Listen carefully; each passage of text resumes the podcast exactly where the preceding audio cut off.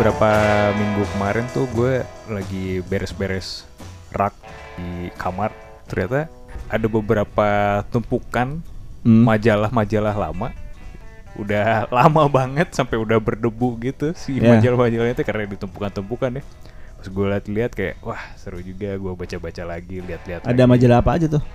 Eh, yang kemarin gue temuin di kamar itu ada Rolling Stone, ada Trax Magazine, eh, sama ada Ripple Magazine Hmm. beberapa lah kalau yang Ripple. Cuman itu juga kayaknya masih ada kali ya di tumpukan-tumpukan lain. Cuman yang gue ketika gue pegang majalah itu kayak wah gila udah lama banget ya kita tidak mem- memegang Hmm. physically terutama media eh, majalah Ya karena sekarang udah nggak ada ya. Sekarang ma- majalah apa sih yang bertahan? Musik. Majalah musik ya. majalah musik wah itu juga ya gue juga kurang kurang apa Kayaknya kalau ng- ngelihat ke Gramedia biasanya dulu kan masih banyak lah gitu di depan ya, ya. yoi. Kayaknya udah nggak pernah nemu deh kayak majalah musik lokal ya terutama. mungkin ada kali ya cuman ya kita nggak ngeh Ya, juga ya nggak- kalau sekarang ya sih sekarang. karena kan mungkin kalau dulu pasti kan eh, lebih ke nama-nama ya yang udah Yang udah lumayan besar lumayan lah. besar lah ya Nah. kayak Rolling Stone, eh, Trax segala macam Ya. gitu ataupun mungkin yang lebih mainstream lagi mungkin gaul gitu itu infotainment ya bukan musik ya. Bukan, cek and recheck yang bagus tuh, cek and recheck. terus ada majalah Grey Itu lebih ke ini ya. Katalog-katalog pergadisan. Hmm. saat itu ya Tapi kalau dulu apa lu yang pertama? gue lupa tapi kayaknya high gue sempet deh Hai, ha. awal-awal ya Iya. mungkin SMP atau SMA kali ya Hmm. high karena ya kita tahu high kan salah satu Yang paling besar paling pada saat besar itu. lah ya Nah. pada saat itu yang kalau ngomonginnya juga yang lebih mungkin di luar mu- ngebahas musiknya tapi juga ngebahas eh, tentang lifestyle ataupun entertainment yang lain kan masih relevan lah Iya. dengan eh, usia-usia remaja lah ya bisa Hmm, karena si Hai itu kan kalau nggak salah emang sebenarnya dia bukan majalah pria juga awalnya emang Iya, majalah remaja. betul. Akhirnya dia pivot tuh jadi mulai majalah khusus remaja pria. Akhirnya Iya. mulai lebih banyak si konten-konten musiknya gitu. Iya. Walaupun kayaknya sih di akhir-akhir ke sini ke sininya udah mulai diganti lagi jadi majalah remaja pria aja. Iya, iya, Kalau dulu iya. tapi sempat ada masanya waktu gue langganan Hmm. majalah Hai itu mungkin sekitar kelas mungkin kelas 5 atau kelas 6 SD kayaknya mulai langganan majalah Hai setelah sekian lama bertahun-tahun langganannya majalah Bobo akhirnya naik tingkat jadi majalah Hai mungkin kelas 5 kelas 6 SD itu emang pas lagi si Hai kayaknya lebih fokus ke musik tuh Iya, iya. nah tapi gue baru tahu nih kalau Hai majalah Hai itu ternyata singkatan Oh, apa tuh Lo singkatan? tau nggak? Hai itu hiburan, amal dan ilmu. Wah, sungguh faedah sekali. Faedah ya. sekali kan? sungguh faedah. Hiburan, amal dan Hiburan, ilmu. amal, Nah, dan hiburannya iya. Amalnya? Amalnya itu yang nggak tahu amalnya dari mana tuh bagian amalnya. Ilmunya pasti dong. Ilmunya pasti karena ada Iya, ilmu ya lah iya. soal informasi. Tapi amalnya nih, Mungkin amalnya itu maksudnya dari eh, apa? editor-editor yang beramal untuk menyampaikan ilmunya Oh, kali. bisa biasa. jadi bisa, Bersedekah ilmu ya. betul betul bisa jadi ke sana-sana ya. Hai itu muncul akhir 90 Iya, kalau nggak salah ya. iya. Tadi udah pertengahan udah- kali ya, pertengahan Hmm. 90 soalnya kan yang album Pure juga Oh, iya, dirilis eh, ha. sama High kan itu bundling. Banyak ya pas di era kita ya let's say aw- akhir 90 awal 2000 tuh kan banyak juga kan si majalah Oh dulu banyak ya. Kalau zaman dulu lagi mungkin ada majalah Aktuil. Aktuil uh, tahun luas berarti banget ya. 70-an sampai 70-an, 80-an iya, kali ya. iya. Itu bisa dibilang em, majalah musik atau bisa dibilang malah lebih tepatnya majalah rock pertama Iya, betul, katanya. betul. Terus mungkin kalau di lokal MTV Tracks kali ya di awal 2000-an MTV Tracks, sebelum ya. jadi Tracks Magazine, Eh, di Bandung ada awalnya ada Trolley, Trolley betul. Hmm, terus ada Ri- Ripple muncul, ada Jun juga. Jun. Walaupun nggak mungkin Jun nggak terlalu bukan spesifik di musik gitu ya. ya, tapi membahas ada Ada membahas ada, ada ya, bahasan musiknya betul. juga. Terus juga ada ini area magazine itu juga sebenarnya lebih Ya. lebih eh, lifestyle entertainment ya. Terus, ada news music. news musik. Ya ternyata juga itu singkatan juga. Apa baru tuh? tahu itu singkatan dari nuansa entertainment dan warta seputar musik. Wah, Ah. nuansa entertainment dan warta seputar musik, weh bagus nuansa juga. ya. entertainment dan war- warta seputar musik news music. Jadi kalau misalnya ntar mau bikin film itu tinggal diganti jadi news film. Iya. Nuansa entertainment dan warta seputar film. Oh iya benar juga. doang. Benar benar. Kalau bikin bola jadi news bola, nuansa entertainment dan warta seputar bola. Oh iya, atau bola news ada itu bola news, bola nuansa nggak enak ya kalau di depan Nggak bola bisa, news. bola- Iya, iya, iya. Bola nuansa entertainment dan warta seputar jadinya.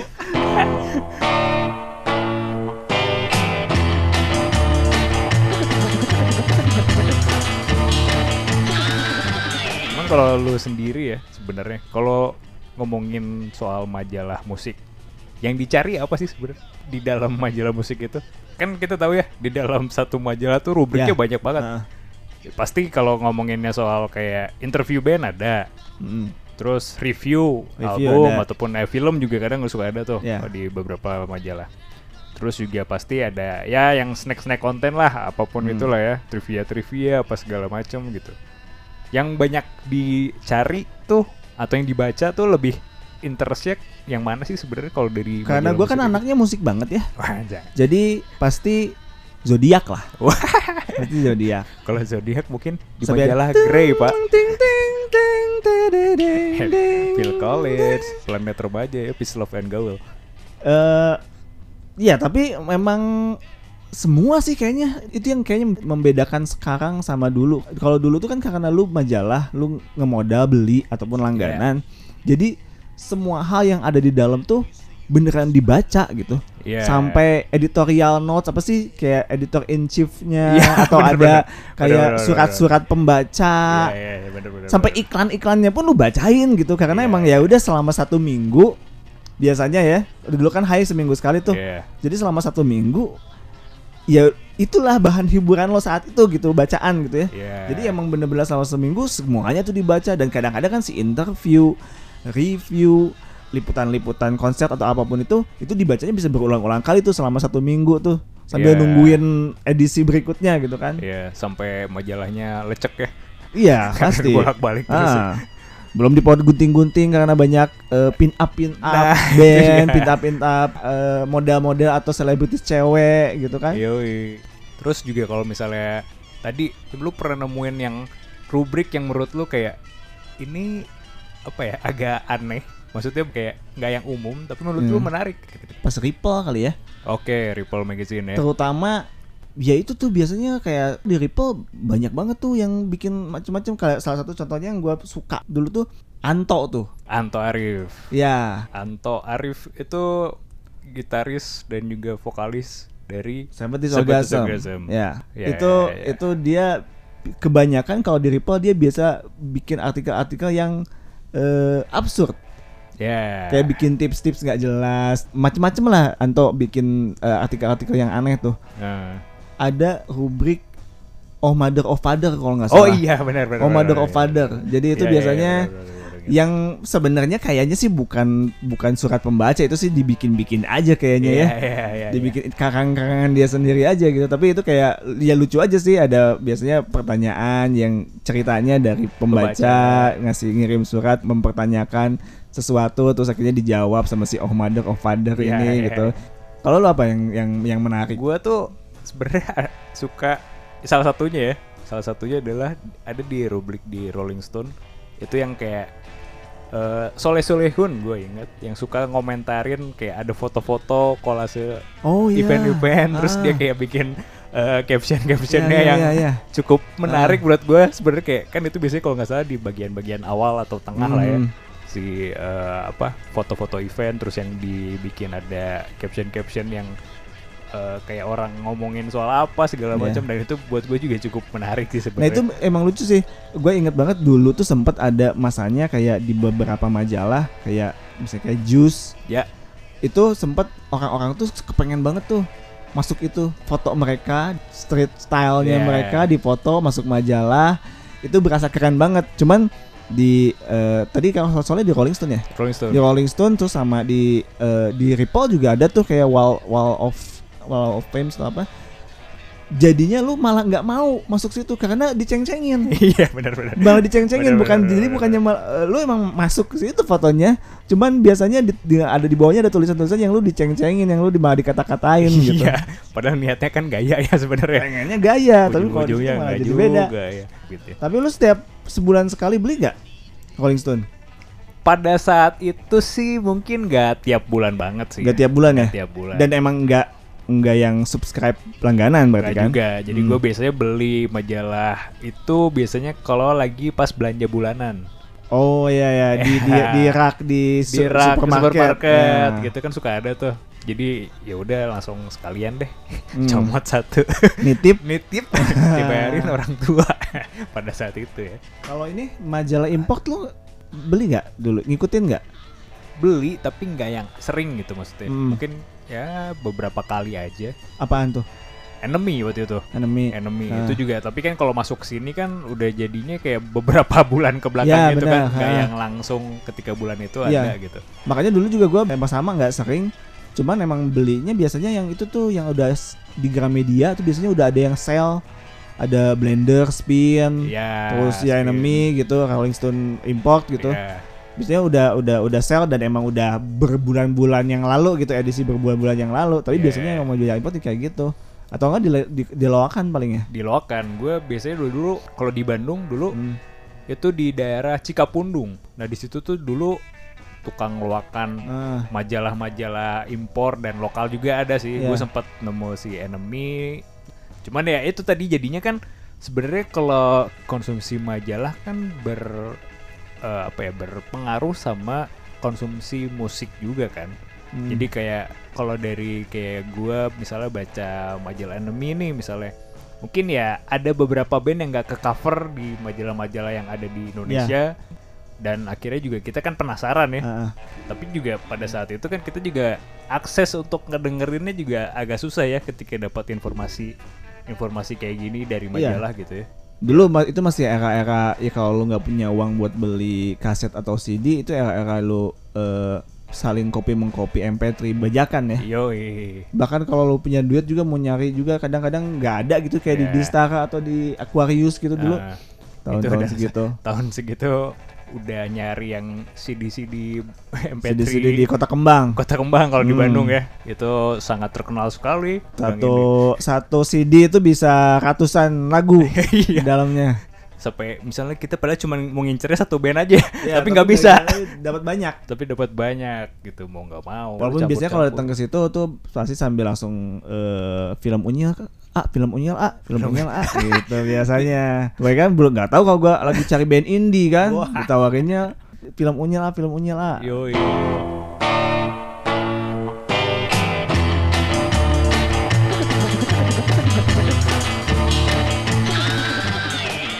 Lu terakhir kapan coba beli majalah musik? Wah nggak tahu deh kayak kayak kayaknya ya kayaknya mungkin Rolling Stone beberapa tahun lalu mungkin Rolling Stone pas ada yang yang covernya Daft Punk Ah, Kalau oke, nggak oke, salah, oke. pokoknya eh, majalah terakhir yang gue beli majalah emang Rolling Stone dan emang itu pun kayak random gitulah nemu terus ya udah beli gitu Ya, ya, ya. gue juga kayaknya sudah lama ya. Mungkin ya mungkin gue juga sama terakhir sih Rolling Stone karena eh track setahu gue sudah ya sudah lebih Tutup dulu sudah duluan. tutup duluan terus kangen nggak lu dengan baca majalah saat ini ya? kangen sih Kangen. maksudnya eh, iya sebenarnya memang kalau harus jujur-jujuran sebenarnya memang fungsi majalah sekarang emang udah nggak terlalu penting lagi karena informasinya udah udah gampang banget Ya, eh dulu lu pengen pengen tahu tentang interview satu band itu ya udah lu berasa dapat harta karun wah si band A di interview nih di majalah ini lu belum pernah mendengar mereka di interview atau ya baca mereka interview mereka tuh akhirnya ada gitu di situ Iya. kalau sekarang kan tinggal googling aja banyak banget itu interview lu Iya. nyari interview siapa gitu bahkan mungkin dari majalah itu udah ada yang upload Iya, ya di digital sekarang. Jadi eh, emang sekarang udah nggak terlalu penting, cuman memang sensasi dan ini sih kalau gue lebih ke dulu kan kerasa banget tuh jurnalisme tuh kan. Ya. Bagaimana lu nulisin sesuatu tuh dengan emang beneran niat gitu. Ya. Karena memang ya udah lu punya jatah segitu, harus eh, mereview atau harus mengulas sesuatu ditulis dengan sebaik mungkin dan emang ditulis oleh orang-orang yang memang piawai lah Ya. gitu ya, memang beneran jurnalis gitu. itu menarik sih gue juga sebenarnya kangen sih ya untuk baca majalah fisik apalagi maksudnya kan udah berubah era lah ya Hmm.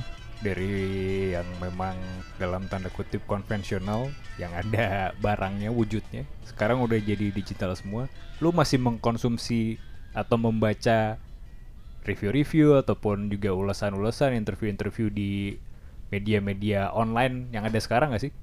Sekarang sih gue masih sih, maksudnya at least seminggu sekali itu biasanya gue pasti langsung buka beberapa website kayak Pitchfork, Enemy gitu masih buka. Cuman emang lebih ke untuk ngeliat rilisan-rilisan baru aja sih.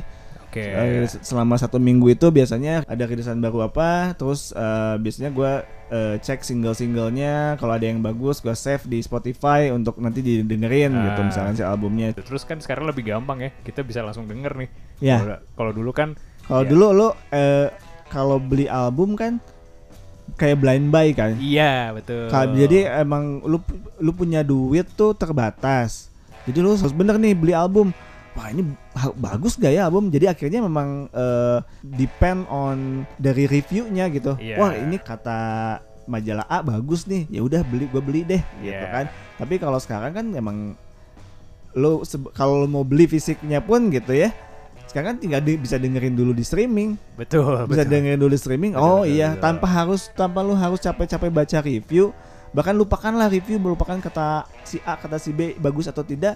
Ya lu decide for yourself gitu. Lu dengerin Yeah. eh, at least singlenya kalau bagus ya lu bisa beli gitu atau bisa terus dengerin full di tempat streaming tersebut gitu. Ya ya itu mungkin jadi salah satu faktor juga yang tadi kita obrolin sebenarnya kan bagaimana ada perubahan Iya. eh, perilaku konsumsi lah ya Hmm. sebenarnya yang biasanya baca review sekarang udah bisa langsung nge-review sendiri dengan Iya. dengerin langsung Ah. gitu ya.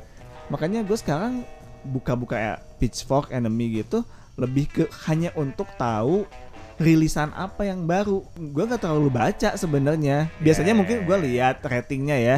Misalnya oh ini ratingnya bagus nih. Cuman biasanya gue nggak terlalu baca reviewnya karena lebih ke ngelihat ah oh ternyata si band A ngeluarin album baru ya udah gue coba dengerin. Ketimbang gue baca baca reviewnya ya udah gue langsung coba dengerin Iya, gitu kan. iya, iya. Cuman kalau untuk kayak eh, berita-berita musiknya sendiri sebenarnya nggak terlalu sih sekarang kalau artikel-artikel pun juga lebih ke random aja kalau nemu artikel apa jadi nggak pernah kayak yang bener-bener explore gitu explore ya. gitu Iya, di iya. di satu eh, web tertentu terus ngeliatin ada apa aja minggu itu ya atau bulan itu ada apa aja jadi nggak terlalu sih sekarang lebih ke si lebih ke review atau informasi rilisan baru aja sih Iya, iya. atau mungkin ada breaking news kali ya. Kayak kemarin Iya kalau misalnya ada yang penting-penting, ah, kayak kayak gitu. Tapi kan kalau gitu kan hal-hal yang kayak gitu kayak ada musisi besar yang meninggal atau apa kan memang biasanya tanpa lu nyari pun Sudah biasanya ada ya informasinya ya. langsung muncul gitu. Iya. Oh tiba-tiba entah dari entah dari mana, entah dari temen atau dari eh, lu lihat di explore Instagram pun biasanya Iya. suka ada gitu kan. Iya, iya, iya. Lalu juga masih nggak Gue sih? juga gue juga sama sih. Pasti lebih ke review sekarang ya. Lebih Hmm, ke kan? review kayak mungkin untuk yang luar tadi kurang lebih juga sama Pitchfork, Enemy, Mm-mm. terus mungkin kalau yang keras-kerasnya mungkin salah satunya juga ada si Metal Hammer. Cuman yang lokal juga karena juga sekarang udah mulai banyak juga lah ya bisa dibilang kayak gitu Hmm. media-media online Eh, terutama kayak pop hari ini sebelum-sebelumnya sih gue cukup sering baca Dead Rockstar cuman Ya. sekarang-sekarang tuh kayaknya udah mulai jarang lah ya Dulu sih masih, masih itu lumayan buka-buka Dead Rockstar atau Wasted Rockers. Wasted Rockers betul juga eh, cuman emang sekarang nggak tahu emang gue selama beberapa tahun ke belakang nih informasi soal musik lokal emang suka agak ketinggalan tuh mungkin baru setahun ke belakang ini gue mulai nemu lagi beberapa media lo- lokal yang emang oh ini bagus nih ternyata buat informasi rilisan-rilisan lokal biasanya sama Yeah. berita-berita lokal cuman emang sekarang kayaknya masih ini ya masih apa media-medianya masih baru terus masih melakukan peralihan juga kayaknya kan Iya. Gue juga sempat baca tuh waktu itu di Twitter ya. eh, ada salah satu frontman dari sebuah band. Dia tuh sempat nge-tweet di mana dia ingin membagikan album barunya untuk direview ke Hmm. media-media musik terutama yang ada di Indonesia. Dan dia kebingungan sebenarnya untuk ngasih ini Maksudnya dia kebingungan eh, medianya yang mana gitu. Iya gitu maksudnya medianya mungkin yang sekarang udah ada mungkin dia sudah Ya, sudah cuman kasih gitu. Cuman kok nggak banyak kok nggak banyak gitu Nah. pada akhirnya yang mungkin kebingungan gitu. Akhirnya kayak ini mau di review sama siapa ya? Padahal kan sebenarnya kalau bisa dibilang dengan adanya media online kan dimudahkan ya Iya. seharusnya. Cuman ternyata ya gitu. Cuman mungkin emang bukan karena bisa jadi ada dua kan, bisa jadi memang karena mereka nggak tahu medianya sekarang apa aja yang Ya. aktif atau mereka tahu tapi sebagian besar mungkin dirasa aduh ini ku masih kurang nih gitu. Ya, ya bisa karena jadi, kan sekarang jadi. memang random banget siapa aja bisa bikin medianya sendiri. Cuman Ya. secara konten, secara substance-nya kan belum tentu bagus kan. Betul, betul, Tidak betul. semua orang eh, bisa mereview album dengan baik gitu. Iya, iya, iya, itu dia mungkin menjadi apa ya? Ya ibaratnya ini kan band yang udah lama lah ya. Hmm. Band yang udah lama, terus juga mungkin Padahal ini gitu. band band band lama tuh ini. band lama. Siapa nih? Seringai. Son, son, oh, so, Seringai. kayaknya Soneta. Soneta. Jadi kirain Bang Haji di manakah para jurnalis-jurnalis dan media-media? Itu kayak Zainuddin MZ.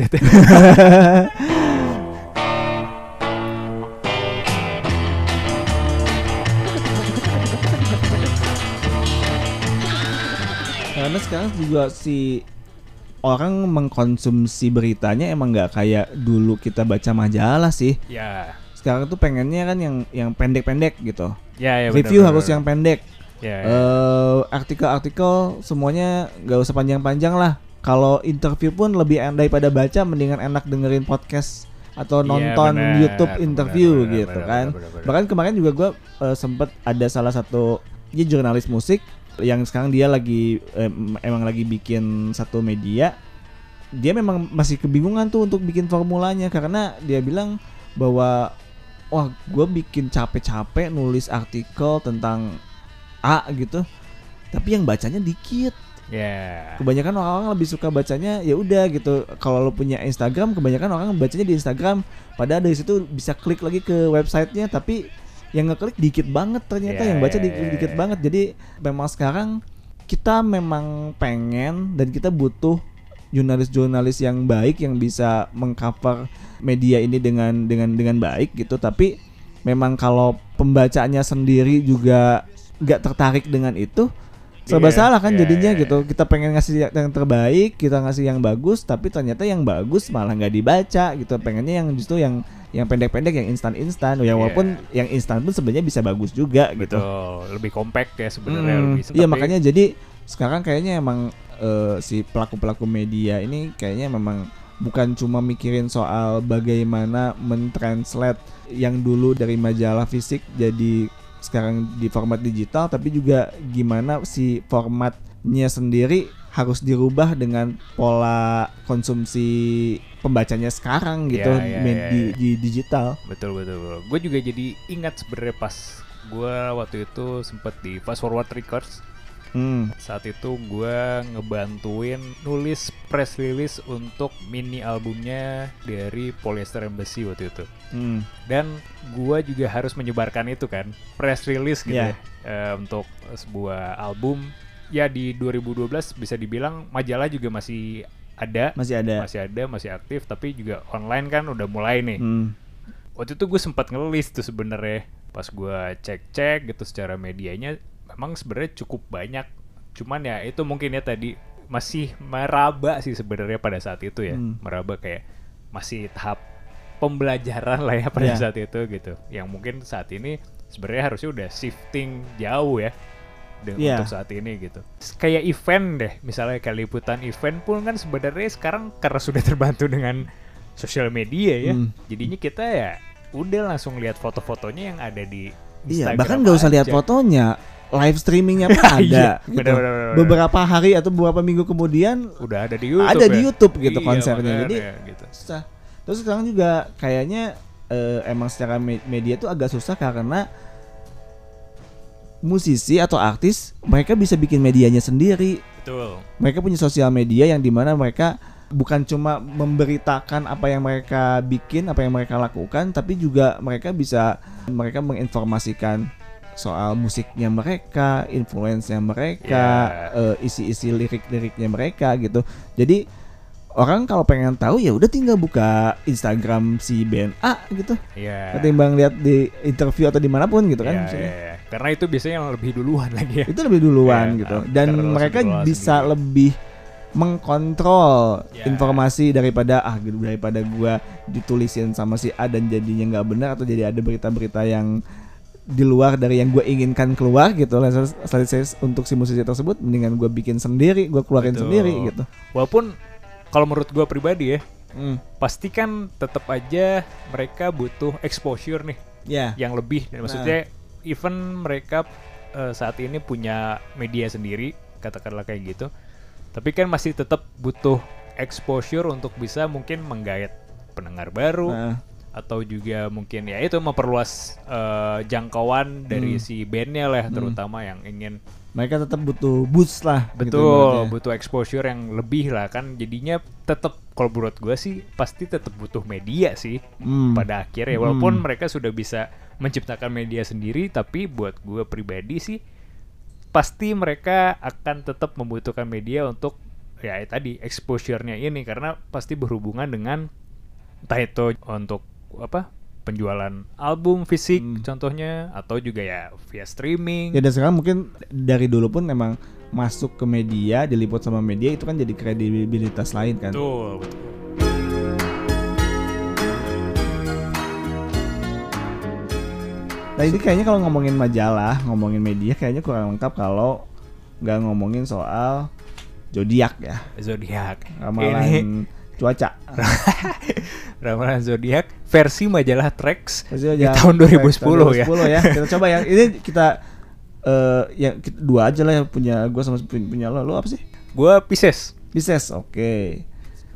Oke, jadi eh, Pak Willy saat ini sedang membuka majalah Trax Edisi Desember 2010 nih. 2010. Oke. Yoi. Covernya covernya ada ungu. ungu Pasya ya. Apakah masih relevan atau tidak? kita lihat, kita lihat coba ya. Gue Pisces. Pisces.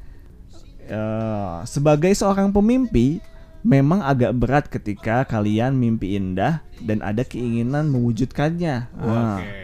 cobalah mimpi Wati, Yuni, atau Nani. Pasti gampang. Sebab mereka itu tetanggamu dan mau diajak pacaran. Tidak seperti Indah yang tinggal di Pondok Indah dan kadang pindah ke Pantai Indah Kapuk atau Villa Nusa Indah. Perlu modal besar, Brad. Gitu. Gila, gila, gila, gila, gila. Tapi Jadi ya lu, lu juga emang lagi nyari jodoh kan? Betul. Jadi ini memang ini masih relevan lah bisa Relevan ya, dibilang betul, untuk betul, sekarang betul. buat lo. Karena jadi ini kayak bilang bahwa yang deket-deket aja lah cari yang gitu. deket-deket. Iya. Sebelum berkelana ke negeri orang, carilah di tetangga. Benar, benar. Itu- Gitu. Itu seperti pesan ibu saya ya akhir-akhir ini. Oh, jangan-jangan ini 2010. Nah ini ramalan 2000. Visioner. Oh ini karena ini akhir 2010 Oh, iya, kayaknya ya 2010 Desember ya. 2010 kan. Ini ada ramalan untuk 2011-nya nih. Ya. 2011-nya katanya badan menggendut. Wah. Oh ini salah. Salah. Salah. Enggak, tapi nggak tahu ya di 2010 2011 kan itu. Apakah Tapi enggak, lu dari dulu masih segini-segini Iya sih, aja. Jadi ini juga. salah. Tidak. Salah, salah, betul betul betul. Oke, ini gue ya. Oke, oke. Ke- kalau gue Capricorn nih. Capricorn. Ini coba kita lihat. Setahun memang terasa berat. Semua yang kamu kerjakan dihadapkan dengan berbagai ujian. Wah. Tapi setidaknya kamu masih beruntung tidak dihadapkan pada kenyataan pahit. Pacarmu selingkuh dengan teman dekatmu. Semoga tahun depan kamu beruntung dan jangan sampai dihadapkan ke meja hijau ya. Wow. Punya hijau. Wow, ini tapi rele- relevan ya. Relevan. Soal tahun setahun kemarin kan Tidak beruntung ya. Maksudnya kurang baik iya, lah. memang kurang, baik. Berbagai 2020. ujian ya. Ini Iya, cocok bener, banget bener, untuk bener. uh, di uh, zaman pandemi ya. Nah, ramalan 2011-nya nih, duit banyak, pacar banyak, penyakit banyak. Itu juga patut diwaspadai ya.